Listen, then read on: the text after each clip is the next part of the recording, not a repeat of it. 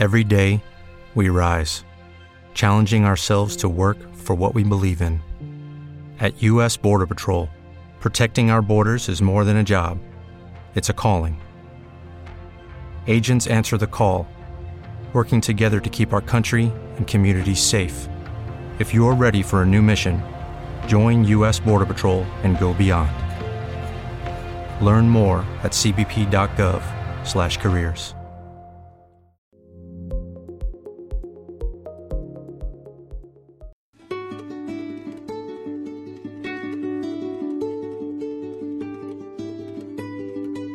Coses modernes. Hola, bon dia. Bon dia. Últim episodi d'aquesta temporada. Fortíssim. Molt fort. M'ha passat molt ràpid. Sí, sí, sí, molt. Som a juliol, ja. És Ja està. estiu. Ja està, ja està. Estic acompanyada per dues graduades en estudis d'arquitectura. Sí, és que no, no li deixem dir arquitectes encara, perquè no ho som. No, no ho som. Tècnicament no. A nivell popular ens ho podeu dir, però cap problema. Tècnicament no, però el que sí que som és... Gradu... Bueno, S'ha acabat la carrera. S'ha acabat. Fi, per fi. Ja està. Felicitats. Gràcies. Us sentiu ara Fort. com que parleu com amb més legitimitat? Sí, jo no, Sí. la veritat. No, jo només Però sent... quan em retreguin alguna cosa diré, mira, aquests 5 anys, Els atenc a s'escana. els 300 crèdits, Aquests... Jo, so, jo dic 300 crèdits. Tot el rato. No anys, jo dic 300 crèdits. 300 crèdits. Doncs, noies, uh, comencem, no? Sí, Som-hi. Vinga. pues jo no sé quantes vegades ho hauré dit aquí, uh, però en el meu voltant crec que és ben sabut que hi ha un petit nínxol del disseny uh, per es que n'estic una mica obsessionada o per es que en tinc un carinyo especial, que són les cadires i tot allò relacionat amb cadires i Em mobles. sona, em sona. I com a tota fricada una mica mm, dins d'aquests nínxols, tinc les meves preferides, evidentment. D'entre elles, pues, la Basile, de Marcel Breuer, uh, que en realitat és com la Bauhausi, Bauhausitat, Bauhaus, mm Mhm. és com Bauhaus fet a moble, perquè, jo què sé, és industrialització de les cadires, però en una... Ai, de les bicicletes, però en una cadira. És molt guai, és molt estètica, és molt moderna, mos agrada molt. O la Wiggle Chair d'en Frank Gehry, que encara que en Frank Gehry i jo no som millors amics, um, la cadira en general és... No home, ens tornarem a posar marrons, Helena. De fet, uh, aquestes cadires que ens estàs així esmentant una mica com de puntetes, um, vas dedicar-hi un episodi fa un... Sí, sí, uns el podem recuperar. enllà. Sí, sí, sí, crec que ja en vaig xerrar. No sé, són, són cadires com a molt camp, com a molt divertides Mhm. totes. Però avui venc a xerrar d'una altra cadira per la que li tinc una mica um, un carinyo especial i, i un cantonet de la meva vida, però no només de la meva vida, sinó de la vida de tothom. I és que és una cadira que sobrepassa els límits de classe, de gènere, d'ètnia, de, de nacionalitat, de tot. És una cadira que és la globalització feta moble i, i vull fer així una mica un exercici d'aquests com els que fan Olímpia de tantes de les seves seccions, un, un exercici fent en els que tancam els ulls i, i mos posam en un paisatge d'estiu enmig de la plaça, de les festes del poble, amb Aquesta l'escenari on- jove de Vic. o de qualsevol altre poble. Anant al nínxol que ens interessa. L'escenari a un cantó, el poble mirant cap a l'altre costat, fan bingo, o quina, o per als meus mallorquins un, un torneig de truc. Una mica... eh, És, és un símbol. Tu estàs allà assegut en la teva taula amb els teus amics i notes la calor i les cames se t'han enganxat una mica en el plàstic blanc de la cadira. I és que, amigues, estem assegudes a la cadira monobloc. Aquesta cadira té nom. Té nom, té cognom, té any de producció, per primer cop. Aquestes cadires de 5 euros en el bazar del poble varen ser dissenyades, o se li atribueix el disseny original, a un canadenc anomenat T.C. Simpson en el 1946. I és popular per una senzilla raó, i una raó tot sola, que és que és molt barata i molt fàcil de produir i reproduir. Se modifica per estar en tots els contextos que vulguis, totes les mides que vulguis, tots els colors que vulguis, perquè està feta d'una sola planxa de polipropilè, uh, de plàstic dur, de la forma en la que vulguis. I això la fa com un ítem de la modernització i del disseny industrial i de la forma en la que... Mm, no sé, el capitalisme mos ha forjat, jo que sé, però és molt, és molt guai, és molt interessant. I, i li dona una forma com a molt icònica que és aquesta planxa que es doblega i fa forats entre si per, per resistir més força, les quatre potes així com a mig doblegades... És, jo tinc com aquesta imatge molt forta en el meu cap. És una cadira que ha estat bastant debatuda i bastant discutida perquè, per un costat, representa com la mega mass, producció massiva d'una peça de plàstic que no és fàcilment reciclable i que, a més, és tan comú veure-les a la plaça d'Espaula com trossos d'ella enmig de la mà, i això, pues, evidentment, és discutit. Però, per un altre costat, molts artistes defensen que és una mica mm, que aquest odi va molt relacionat amb el seu context de com barato i de cutre i, i de senzill i que és molt castigada per això. I, I realment, si ho pensam, crec que té bastant de sentit en que totes aquelles coses relacionades amb la globalització són com a molt discutides fins que en lloc d'una cadira de plàstic que veuries mm, tant en el mercat de, del poble com a uh, una platja mig del Carib, però després no mos queixem de les cafeteries cookies que se posen a cada una de les nostres cantonades. Exacte. La globalització una mica discutida per lo que ens interessa, però bueno, com no podria ser d'una altra forma d'aquest podcast, duc també obres d'art relacionades amb, amb aquesta cadira. Sí. I uh, voldria posar-les una mica aquí sobre la taula, però uh, són tota una sèrie d'escultures per un artista anomenat Bert Luschner, Luschner, no sé com se pronuncia, massa greu, um, on agafa aquestes cadires i les deforma donant-los unes formes com a humanitzades o personificant les cadires, de forma que els fa fer um, com activitats quotidianes. Té cadires que estan uh, fent autostop, cadires que s'estan abraçant, cadires que, que estan um, engronxant-se uh, en un gronxador, um, cadires de forma... Clar, com és plàstic, és un material completament um, flexible i reutilitzable en molts de sentits i um, quoting a ma mare que és molt defensora del plàstic, el plàstic és un gran, una gran invenció i la discutim perquè, evidentment, té seus problemes, però el que també té moltes virtuts i en aquest cas reutilitza aquesta forma icònica d'una cadira que s'ha vist durant molt de temps com una cosa completament cutre i senzilla i que no té cap valor i li posa com una dimensió molt... Vaig utilitzant la paraula camp, però és que no sé com utilitzar-la, com a molt divertida, molt, mm, com que juga molt amb aquesta dualitat d'una cadira a la que se li ha donat o a la que se l'ha rebaixat a un moble molt meh, i li dona com una diversió uh, posant-la en situacions bastant guais. Em fa pensar una mica quan Barceló agafa els, els gerros um, de ceràmica abans de que estiguin com... Sí. Abans de que passin per forn, no? Crec que van... Sí.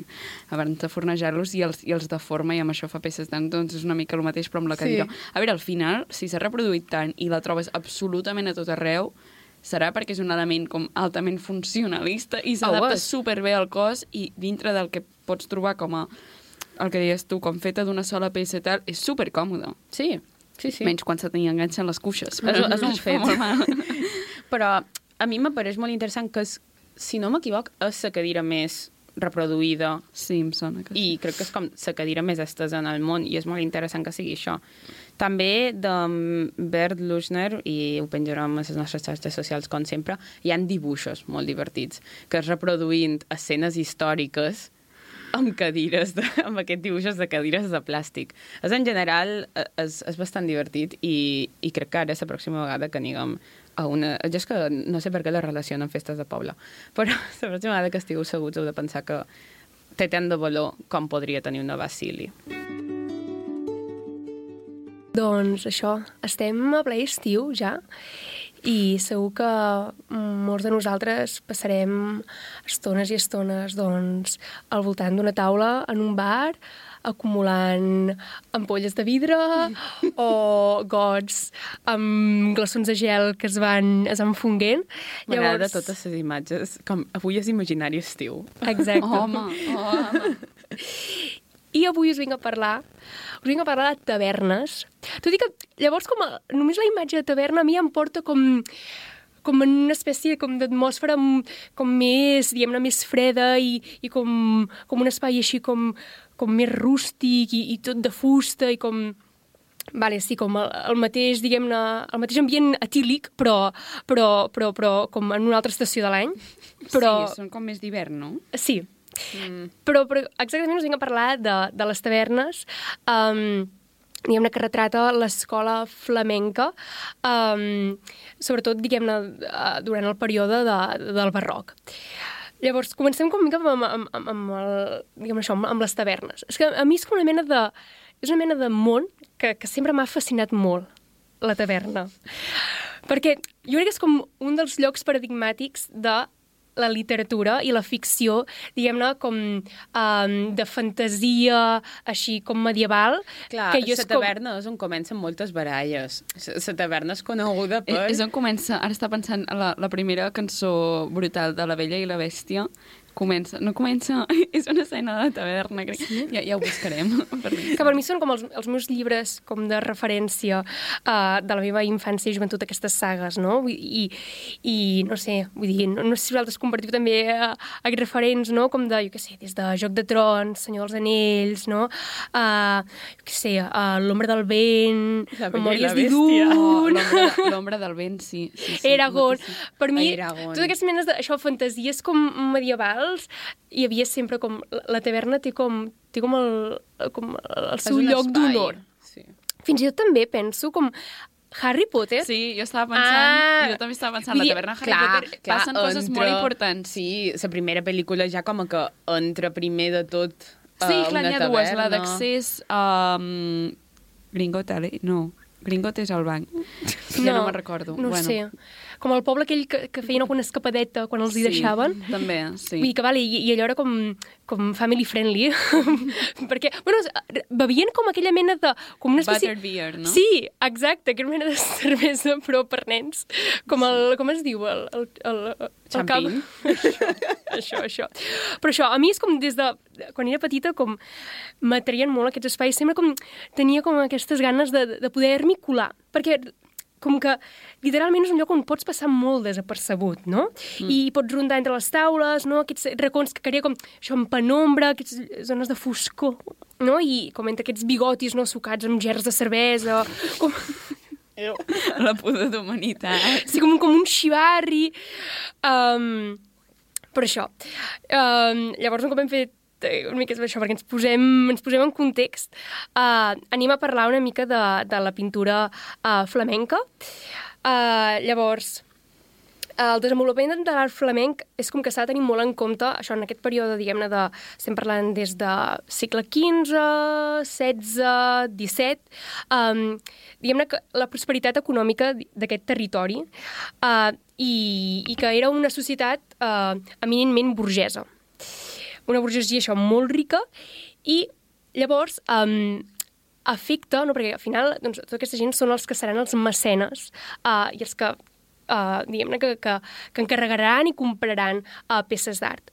I, i, I veiem aquest caràcter um, això, en, en, en- la pintura que, que es produeix uh, i, i llavors això, hi ha una importància del retrat, hi han com això, quadres més de petites dimensions, uh, això de, de pintura de gènere, no? de, en què es veu com doncs, retratat um, diguem-ne, doncs, uh, persones ordinàries, um, amb actituds, diguem-ne, doncs, domèstiques, uh, quotidianes, i una miqueta com en contrast amb el que és el panorama, diguem-ne, mediterrani, on, diguem-ne, que impera més um, el, tot el que és el, els encàrrecs de, religiosos.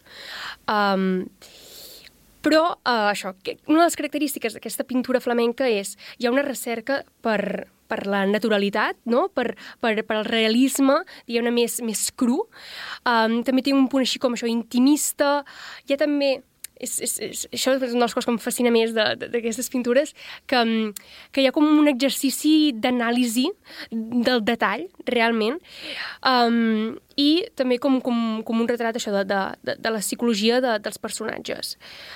Uh, llavors, això, uh, durant el període del Renaixement, doncs, uh, grans artistes que ens poden sonar, doncs, tenim uh, Jan van Eyck, uh, Peter Bruegel, i ja, diguem-ne, entrant al segle mm, XVII, diguem-ne, ja en el període de, de, del barroc, uh, doncs, diguem-ne que també aquesta gent entren trepitjant, trepitjant fort, això, uh, un nom que, que ens pot uh, sonar, doncs, també Rubens, uh, i però ja anant, diguem-ne, um, el, el tipus de pintura que a nosaltres ens interessa, doncs tenim uh, artistes com de David Teniers uh, i Adrian Brouwer, que serà el que parlaré especialment avui. I aquest tipus de, diguem-ne, pintura de gènere que, um, que diguem-ne, que, que, que, que passa en, en aquests espais de tavernes es diuen bambutxades. Quin que jo em pensava... divertit. Sí, és divertidíssim. És que, que, que, és que aquestes pintures és que són molt, són molt bèsties, nois. És que són molt divertides. De, vull dir, passes hores i hores i vas veient... Bueno, és que ja, ja n'hi hem a descriure exactament, però Vull dir, si, si representen coses que tela, tela.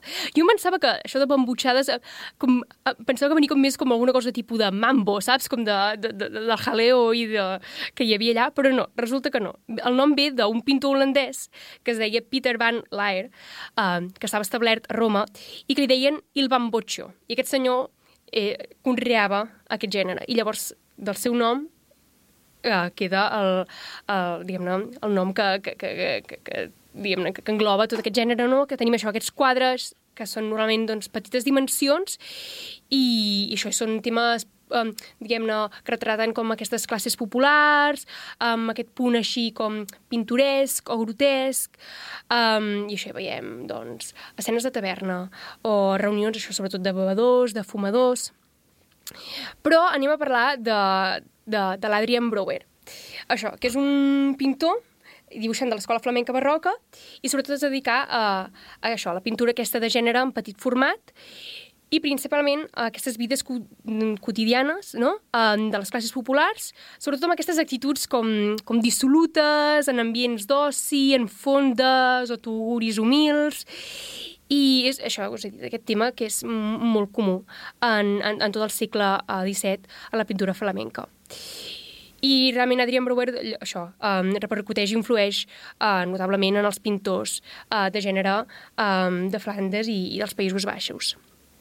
Llavors, um, tenim totes aquestes escenes que, que passen a l'interior d'una taverna sòrdida, llòbrega, i això també és una innovació que introdueix Adrian Brouwer perquè um, fins a aquest moment, com aquestes escenes així tumultuoses, amb camperols engrescats, emborratxant-se, fumant, jugant a cartes o esbatussant-se, normalment es eh, representaven com a l'aire lliure. I llavors són com composicions molt multitudinàries, atapeïdes, i amb aquest, bueno, compostes això per, per grups eh, eh, de personatges escaientment doncs, rústics, vast i que acaparen molt com el primer pla, que d'una sensació mica com de que sufoca um, Sí, és interessant perquè, si no m'equivoc, vàrem veure obres d'aquestes quan vares venir a Múnich. Sí, hombre, és que clar, és que... I, I era divertit que passaves de sales i sales plenes de, de retrats religiosos molt heavies i, a més, tots com a molt grossos Mm -hmm. i molt monumentals i molt daurats i molt bonics a escenes on hi havia gent vomitant a un costat, moixos, gossos, coses per enmig. Sí, sí, I era, marranades... era fascinant que eren exactament el mateix any, només que en una era la meravellositat i, i brutalitat d'un aspecte religiós celebrat, a la quasi celebració de no només lo domèstic, però lo, lo escarós, com lo, lo gros. Sí, sí, sí, sí, sí. Ara anem una miqueta al, al, al per què no? i quina funció tenien aquest tipus de pintures. Això, és una visió això, com molt caricaturesca, molt crua, um, d'aquests camperols no? representats com, com a viciosos, com a rufians, i això té com les seves arrels en la pintura de gènere eh, flamenca i neerlandesa, sobretot amb aquest menyspreu que té la burgesia urbana, que recordem que Ah, són... amigo. Epa, epa, que són els comitents, no? Que és aquest, això, aquest mena despreci cap als costums, eh, als taranars eh, rurals. I alhora, clar, es, es veien atrets ells per aquest caràcter humorístic, no entretingut, d'aquests comportaments així dissipats, promiscus, grollers, de les figures populars. Vull dir que una espècie de, de divertimento, també suposo que els hi feia sentir com una superioritat moral, però, al mateix temps, ojo, eh, també hi ha com al·lusions moralitzadores, no? amb un rerefons com d'advertència no? i que condemna aquestes conductes com licencioses i, i descarades. Llavors, uh, ja per anar acabant, um, Adrian Brower també cap a, diguem cap a final del seu període um, es dedica més com a composicions de grups més reduïts uh, i simples, i això també ens encaixa una miqueta amb això que us dic, com amb aquesta tradició de, del retrat que hi ha en la pintura flamenca, i, i en aquestes, diguem-ne, en aquestes composicions, doncs, uh, una figura, un personatge principal, doncs, pren el protagonisme i se situa, diguem-ne, més a prop de, del que és el pla pictòric. I això permet, doncs, enfatitzar més la preocupació per infondre com una expressivitat concreta, unes emocions en els rostres, amb aquest sentit així que us dic, us deia, com naturalista. I, i això, és unes representacions com individualitzades, amb més detalls, i podem veure com com aquesta fisonomia no? com tosca d'aquests individus de les classes baixes, amb uns posats com desmanegats, amb gesticulacions vulgars, no? I, i també podem com, com veure com aquesta caracterització no? I, i com una vívida exposició de, de, de les emocions i aquest retrat com psicològic de, de, dels personatges, no? tant amb la indumentària com amb l'aspecte, no veiem com algun gest burleta, irreverent, desvergonyit, no? que uh, tenia el personatge com en primer pla, doncs sembla que ens, ens estigui com... Uh, ens està interpel·lant, no? nosaltres com, com, com, com a espectadors, i ens sorprèn, en, ens confronta, no? I, i alhora doncs, també en, ens trasbalsa. I ja acabo, jo recomano moltíssim que ja penjarem, penjarem el, diguem alguns quadres a l'Instagram, però que és que és un ojo que enganxa, eh, anar mirant, aquesta, anar mirant aquestes, uh, aquestes escenes, perquè realment això és que hi ha molts, molts detalls i és que són unes jajas, vull dir, literal. És, que... és, és com una fusió de Buscando Boli i, i un retrat d'una festa major Sí. Com es Barroca. troben les festes majors? És que estem, estem amb síndrome d'abstinència de la festa major de Vic. Jo vull provocar com una altra faceta de les vacances i de l'estiu. No hem parlat, eh? Són molt pesades. Sí, sí, sí. No, no ens havíem posat d'acord, però a veure... Inevitable. Exacte. Inevitable. Estem tots farts, volem vacances, volem parar de treballar, volem anar-nos a anar a la platja, a menjar síndria sota una ombra. Um, Taquem els ulls tots junts. anem a fer una meditació col·lectiva. No, és broma. Uh, no, però ara que, que estem estiu i alguns uh, tenim més o menys vacances, tenim normalment més temps per llegir uh, a prop del mar, a la piscina, estirats en una hamaca o, tal com deia, sota l'ombra d'una olivera o si tenim la sort de tenir un balconet on poder que ens toqui una mica l'aire. Um, és una època, tinc la sensació, contradieu-me si no, si no esteu d'acord, de clàssics, de totxos, de col·leccions, Ui, de veus, de rellegir els totxos no. preferits. De no? tots no, és època de clàssics Jo, curts. jo crec que sempre recomanen llibres fresquets i aviam, a l'estiu és quan, quan tens temps per llegir, no? Jo vull coses curtetes i ràpides durant el curs que potser no tinc tant temps i que necessito com algú picadet per, just per llegir abans d'anar-me'n a dormir i tenir la sensació com un mes he llegit molts llibres, quan en realitat potser tenen 50 pàgines cada un. Ah, I en canvi a l'estiu em puc com encarar amb, amb, amb llibres que he deixat com pendents la resta de l'any. Um, també és com un moment, crec, abans que has mencionat Harry Potter, però no, Mhm. un moment de rellegir um, els, els llibres preferits en, en viatges llarguíssims. Jo durant una època bastant obsessiva a la meva vida, però no exagero, eh? com ben bé dels 13 als 16 anys potser, o 17, em va agafar com per cada agost, la primera setmana d'agost, a més ho havia de fer així com ràpid i anant al, a, a l'hora um, rellegir-me tots els Harry Potters, per tots, eh? Vull dir, per això com els he llegit potser set vegades cada un, aquí Mm, arriba el meu friquisme. Però Harry Potter és de Nadal, no. No, no, no. Potter Cada agost Nadal. tocava rellegir-se'ls i tornar a plorar amb la mort d'en Dumbledore, tornar-me a emocionar quan serà el primer petó amb la Ginny... Bueno, llavors tenen viatges de cotxe molt, molt llargs on jo em dedicava a, a tornar a reviure la meva preadolescència. Dit això, um, jo avui no us vull parlar ni de literatura ni de llibres en concrets, però sí d'un espai que va molt relacionat amb aquesta llibertat i que algunes ens va salvar a l'adolescència, que és la, la biblioteca. Um, jo era una nena molt repel·lent, uh, que anava a l'escola amb son perquè havia estat llegint fins a altes hores de la matinada. Uh, perdó, però és aquest tipus de persona. Uh, I va arribar un punt que els meus pares van dir prou, estem farts de gastar-nos 20 euros en un llibre uh, perquè et duri dos dies. I vaig tornar-me, um, em vaig convertir en una usuària freqüent de la Biblioteca Municipal de Vic, Joan Triadú, que ja no existeix, però ja en parlarem uh, al final de la secció. Um, i jo crec que el millor que podeu fer mai, si, si puc aquí fer una recomanació, és fer-vos um, amics d'algun bibliotecari o bibliotecària, que és el que em va passar a mi. Llavors, jo era com, era com tenir un, no sé, com un algoritme personificat. Jo, jo arribava a la biblioteca i ja deia, vale, avui, avui què em recomaneu? I és gràcies a la meva bibliotecària de confiança doncs, que em vaig obsessionar amb Maggie O'Farrell, amb tots els llibres de Montserrat Roig, gairebé se'n reien de mi, no? perquè quan arribava un de nou ja m'avisaven Olímpia i ha arribat, i jo amb els meus 16, 17 anys, anava, quan vivia a Vic encara anava, anava a buscar el meu llibre.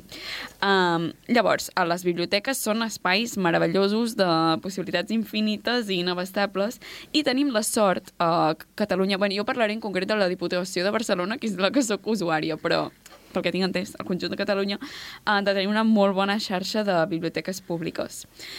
Um, I que en molts casos uh, es tracten d'edificis, a més a més, edificis emblemàtics. No només és que siguin com espais de cultivació de la cultura, etc etc, sinó que, a més a més, són edificis realment xulos. Um, per exemple, alguns exemples de Barcelona, um, jo tinc especial carinyo a la Biblioteca Jaume Fuster, de la plaça de les Ceps, del Josep Llinàs, um, que també és el, el que ha projectat la, la Biblioteca de la Vila de Gràcia. Hi ha, per exemple, una que és superconeguda, la, la Biblioteca Joan Oliver, que és la de Sant Antoni, que és dels RCR, on últimament he estat freqüentant la Biblioteca Montserrat Avelló de les Corts. Uh, un Ah, 10 també de biblioteca. bonica. Sí, que ara no és el nom dels arquitectes, em sap greu, però, però està bé. És, a més, és com una rehabilitació... Bueno, és No, xula. no, és molt xula, és molt xula. Sí. Um, llavors, tot um, el motiu de- d'aquesta secció, uh, si us he de confessar, l'altre dia vaig anar a una presentació de TFG um, d'una amiga i allò que van en packs de tres no? pels tribunals i hi havia un noi que, que, um, que parlava d'un estudi que havia fet de, la, de les biblioteques nòrdiques, d'algunes biblioteques nòrdiques, quina funció com a òrgan social tenen, però bueno, eren més aviat una, una anàlisi de les seves característiques arquitectòniques. Llavors, com a persona que ha viscut un any a Finlàndia, um, a part de- d'entrar-me una nostàlgia molt profunda perquè va parlar d'algunes biblioteques que jo freqüentava i que, a més a més, algunes altres havia vi- visitat, um, bueno, crec que ens permet discutir moltes coses, perquè sento que últimament hi ha com una tendència... Sem sempre hi ha com aquesta cosa de la cultura nòrdica que ens desperta una fascinació absoluta, no? La de que Finlàndia és el país amb la millor educació del món, que són gent tan civilitzada, um, en canvi nosaltres som bruts, bueno, no? com si fóssim aquí sa- salvatges i, i ells ho fan tot bé. I, i em sento que una mica amb el, amb el tema de les biblioteques passa el mateix, està havent com una tendència cada cop més amb, amb les noves biblioteques que es projecten aquí al nostre país a assimilar-se en aquest model nòrdic. Per exemple, un exemple, la, a la biblioteca principal de Helsinki, a Oudi, tu, Bruna, la vas, la vas visitar quan vas venir, jo em vaig trobar que, que al llarg de, de les visites que vaig tenir al llarg de l'any era l'element com del tour per Helsinki que més impressionava. Um, és un edifici, perquè us feu la idea, també penjarem fotos, però és un edifici com super... A, a nivell formal és bastant senzill. És un, com un rectangle una mica de format que es situa en un costat d'una un, plaça que l'altra banda dona el Parlament no? I, i el museu i, el, i en, el Finlandia Hall, que és com l'auditori principal de Helsinki. Ja, ja està donant una mica una idea de, de quina és uh, la plaça. Aquesta és una mica com la plaça cultural. I que aquest rectangle està com deformat per, per semblar una mena de, de proa d'un vaixell. Llavors, per què impressiona tant l'edifici? Més enllà de que és bastant monumental des de l'exterior i que és de fusta, però, spoiler, és tot mentida, és només la, la façana de dins, l'estructura és tota de formigó, una mica de greenwashing.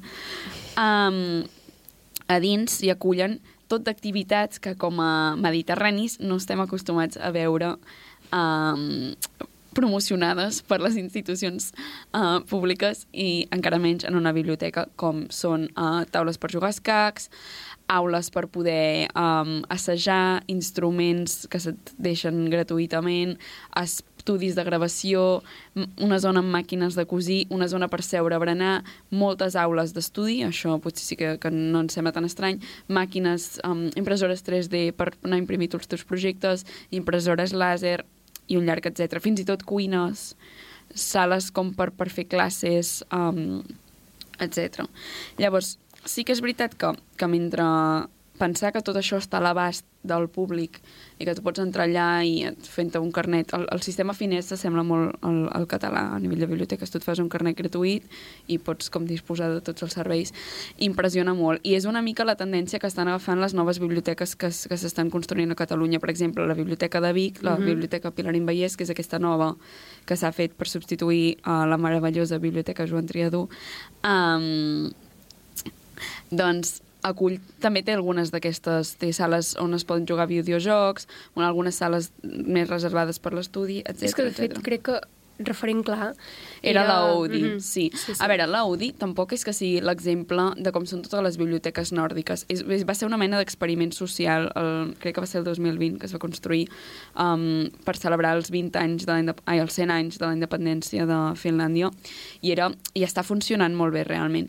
Però sí que a mi m'agradaria fer com una mica, reflexionar una mica no, de quin paper tenen les biblioteques en, en aquestes cultures nòrdiques i, i, i quin potser hauríem de tenir la nostra, perquè al final estem parlant de països molt freds um, on l'espai públic durant la meitat de l'any no existeix com a tal, és un lloc de pas uh, per anar d'un lloc a l'altre. Fins i tot molts, molts dels carrers estan reproduïts sota terra perquè tu hagis de fer el mínim de trajectes per l'espai exterior perquè se't congela la cara, bàsicament. O rellisques amb el gel o um, no hi ha llum. Per tant, tant te fa passar per un soterrani amb un làser um, amb un llum... Ai, amb un Amb un làser. làser. Amb un làser no. Amb un LED. Amb, amb un LED, això. Bueno, estem de vacances ja, eh? Um, com passar per fora perquè total és fosc i no es veu res. Llavors, tal com molt, va dir, molt bé va dir el, el meu amic Toni quan, quan em va venir a veure, va dir, clar, això és la plaça del poble. Com que no tenen places, no tenen bars, on només ho poden utilitzar la meitat de l'any, no? en certa manera han, han cobert com aquesta necessitat de- d'espais públics fent edificis que acullen com aquesta, i que fan de, de funció com de, de trobada i d'espai on tu pots anar a passar la tarda sense necessàriament haver de consumir. Això està superbé, eh? vull dir, no, no vinc jo a criticar que existeixin aquests llocs, però sí que penso que potser en la nostra cultura, que sí que tenim um, podem disfrutar no, de l'espai exterior durant bona part de l'any, sobretot aquí a Barcelona, potser a Vic fa més fred, però igualment, en plan, mm, et pots estar fora a, en un bar.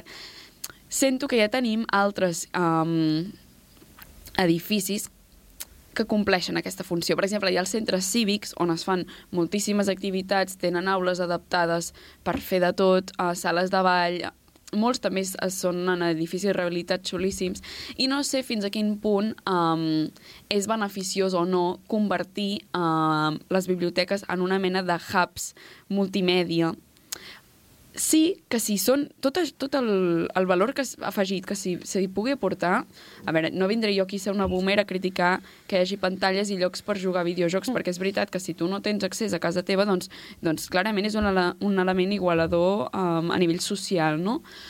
però per mi això no ha de venir en deteriment, deteriment bueno, com en pèrdua de- d'espai de, de lectura, de llibres i d'un lloc com acadèmic, entre cometes. Perquè què passa a la Biblioteca de Vic, per exemple, els llibres no es veuen gairebé. Que vale que el sistema està com super ben ordenat, tu prentes un botó, es mou tot, és molt fancy i sembla del segle XXII. Però és una biblioteca. Llavors, no sé fins a quin punt um, potser s'hauria de posar més en valor uh, la figura del centre cívic que nosaltres ja tenim i que, per exemple, en els països nòrdics no existeix i um, fer una bona distinció. O potser ja està bé que hi hagi aquests uh, edificis catalitzadors de, de la cultura, um, perquè al final se n'ha fet molt bona propaganda i és veritat que um, en el cas de Vic, que és del que puc parlar, però és el que conec, té molts més usuaris, o tinc la sensació que el, el, el ventall de persones que utilitza aquest nou espai és molt més ampli que el, que el que era la biblioteca anterior. Vull dir que sí que potser aquesta pàtina com de renovació i de propaganda que n'ha fet funciona bé i també crec que, que això es deu potser del fet de que les biblioteques molts cops, tal com deia al principi, són edificis d'una gran rellevància arquitectònica que solen fer com per arquitectes reconeguts, van per concurs, vull dir, normalment les públiques segur um, i que permeten potser aquest joc amb, amb unes dimensions més grans, amb espais bonics, um, que puguin tenir com característiques més especials que no pas els centres cívics, que solen, són potser més aviat rehabilitacions, sovint, um, on s'intenta encaixar més això, aules i espais amb usos més específics i per tant potser si es fes com aquesta campanya d'arquitectònica que es fa amb les biblioteques a, amb altres tipus d'edificis potser s'aconseguiria un efecte similar, no? Però a mi m'entristeix una mica com de, no sé si per un tema de baixa autoestima, d'aquesta mena d'obsessió que tenim amb, amb els nòrdics i que ho fan tot bé, de copiar certs patrons que potser amb, amb la nostra cultura sento que no tenen tanta lògica. També perquè um, al final ja, ja vaig acabant, algunes de les biblioteques que es remarcaven en aquest TFG que jo vaig veure i que són per mi de les més emblemàtiques de, um, de Finlàndia o de Helsinki o d'Oslo, Estocolm, en realitat no, no són aquestes que compleixen um, aquesta mena de, de funció de, de media hub, diguem, o de, de hub cultural. Mm. Perquè la UDI um, sí que de, passarà a la història com a gran experiment social, però no passarà a la història com a gran arquitectura. En canvi, per exemple, la biblioteca de Tolo de l'Arne Erbi, que ja, ja penjarem fotos, però que és com una mena de ventall que s'obre al sol um, a Helsinki, que és preciosa. Aquesta és una biblioteca com les que coneixem tradicionals, amb llibres i sales d'estudi, i punto. Um, I sí que passarà la història de l'arquitectura, o la, la biblioteca de la Universitat Alto, projectada pel propi Alto, la biblioteca d'Estocolm de l'Asplund, que no sé si us sona, que és aquesta que és com una base um, rectangular, és una mica anterior, és des, dels anys 20, i amb una cúpula i tu vas pujant i els llibres estan tots a la vista com gairebé amb, amb aquesta elevació cap al cel del que és la literatura i la, i la cultura. Llavors, um, que una mica s'intenta reproduir en la, en la nova biblioteca d'Oslo. No ho sé, um, jo venia a això, vull fer una mica de, de boomer i a dir que està, que està molt bé, però que tinguem una mica d'autoestima i tenim el, elements culturals que funcionen i que potser és només donar-los com un nou rentat de cara i no obsessionar-nos en en com fan les coses els nòrdics, perquè són cultures diferents, ells no tenen places, no tenen centres cívics, són cultures menys socials en general i han de generar aquests catalitzadors per trobar-se. Sí, jo volia dir que, tot i que... O sigui, jo no, no estic del tot d'acord perquè crec que els centres cívics i centres socials i qualsevol tipus de, de centre um, cultural d'escala de barri és molt important com a, el que has dit, una, mitja, una mica com a catalitzador d'activitats i, i espais culturals, però no estan pensats per a ser aquest espai com de, de reunió, direm, de coneixement, ni, ni espai d'estudi, ni, ni per fer de media hub, ni res així. I crec que, fins a cert punt, crec que ja està bé així, perquè separar ben, com marcar molt fort on hi ha la separació entre el que és un centre d'activitat, un centre cultural um, i un centre com, com de distensió, d'oci, de gaudiment, de formació d'activitats i de formacions uh, que van més enllà de tot allò relacionat amb l'academicisme, per dir-ho d'alguna forma, i és molt important per col·lectius de la ciutat per reunir-se i poder-se i, i utilitzar-ho com a seu espai propi, una mica això com si tu no tens un espai per reunir-te, per, per reunir-te a la teva banda de música, mm. pues ho fas en el centre cultural. Amb això estic d'acord que potser no... cívic, sí. Sí, però és vera. Um, però no crec que estigui malament que una biblioteca s'hi afegeixi un cert nivell de modernització, perquè crec que si no recau amb una, amb una escultura. Saps com? Tu no hi passes per res, per una biblioteca, sinó jo vaig a les biblioteques a estudiar perquè hi ha silenci i perquè s'està bé, s'està fresquet i, i a més... Ara són refugis que... climàtics. Clar, i a més a, a la casa esmentat abans a les Corts, que hi anàvem molt sovint, que és Montserrat, Montserrat Roig, no? A Balló. Ah, Montserrat Avelló. Això, sí. Montserrat, Montserrat Avelló. Um, hi ha un espai de- d'imprimir 3D i de treure làser Sí. i coses així que va amb les seves Un coses. laboratori de sí, creació. però jo crec que això és molt guai poder-m'ho plantejar com de... Jo vaig utilitzar aquest espai com a recurs d'estudiar, però també puc tenir aquests recursos que per jo van lligats en aquest estudi i en aquesta, en aquesta formació acadèmica. En canvi, si vull anar uh, practicant la meva banda inexistent de música, aniré al centre cívic. Exacte, o sigui, per mi si, si ha de servir com per potenciar la figura de la biblioteca com a i fer que hi vagi més gent i que més gent doncs, sigui conscient de, de que tenim aquest tresor, perquè és que realment és molt bèstia. Sí. Uh, no t'has de gastar ni un cèntim en Ja. llibres, um, mentre que t'obliguen a, a comprar-te que no estan al país. Um, Jo volia, perdó, perdó, digues, digues. No, no, que estic... volia dir que uh, per jo la materialització de lo que tu vols que sigui una biblioteca, com aquest espai de llibres, No, no només. Bueno, ja. Però a mi, a mi no m'agrada que els llibres sigui... lo que- O sigui, que, que hi hagi de tot menys Ja. llibres. A mi, que s'afegeixin funcions i que, que s'ampliï una mica el marc de què ha de ser una biblioteca i de què és la cultura i què és el coneixement, Mm. em sembla molt interessant, perquè al final hi ha moltes maneres d'accedir-hi, no només és a través dels llibres. Però no sé si la sala d'assaig um, o la sala d'actes on es fan uh, potser ha de ser a la biblioteca o es pot potenciar un, un espai diferent. Sí. En el cas de Vic tenim un teatre xulíssim o... No sé, ho, ho llenço l'aire. Um, Jo volia dir sobre de MVRDV, sí. que és uh, Tianjin Binhai Library, uh, la biblioteca de Tianjin Binhai, Mhm. -hmm. que és un edifici que té una forma molt curiosa, però el que té és que uh, tot al seu voltant són estanteries de llibres que van consumint una, un espai esfèric um, interior i tot està ple de llibres i tu miris on miris tens com... És com si fos una d'aquestes uh, biblioteques tradicionals angleses, saps on hi ha mm, estants i estants i estants, però hipermodern, superblanc, com absurdíssim, que és una consumició de, de llibres i crec que és bastant guai com aquest concepte de, de retornar els llibres de les biblioteques. No sé si aquesta era la seva idea, però, però bueno, ja penjarem una foto, és bastant xula. No, em fa pensar que uh, l'altre dia uh, vaig anar a cinema a la fresca que organitzava l'espai col·lectiu La Clota a les Mhm. adoberies de Vic Sí. com setup de luxe allà a la llera del nostre estimat riu Meder, però bueno, amb vistes al pont romànic, saps la Ah, típica, la típica imatge com turística de Vic, el pont Sí. romànic, la catedral, al fondo. Um, I la pel·li que es projectava era El cielo sobre Berlín, i una de les escenes així com més boniques és, uh, crec que és de la Biblioteca Pública de Berlín, no sé com es diu, i um, és allà com tothom uh, com a estudiant llegint i llavors hi ha, bueno, si, si coneixeu la pel·li, uh, hi ha com tots els àngels com acompanyant a les persones que estan, que estan llegint o estan estudiant i és, és com una escena Crec com... que és Staatsbibliothek i ja està. Vale. Plan, biblioteca de la ciutat. No sé, és una escena com, com molt maca.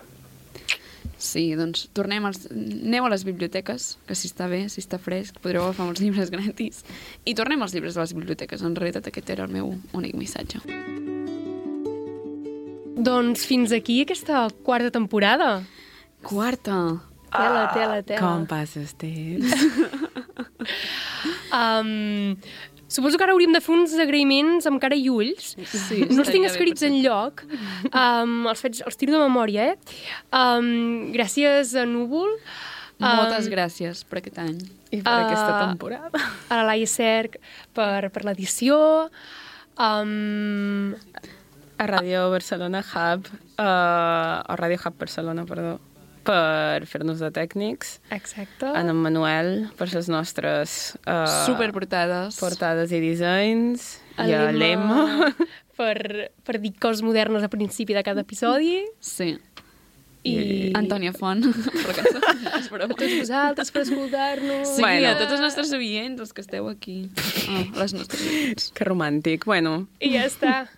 Vinga. Adéu. Vacances que són merescudes. Un petó. Adéu. adéu.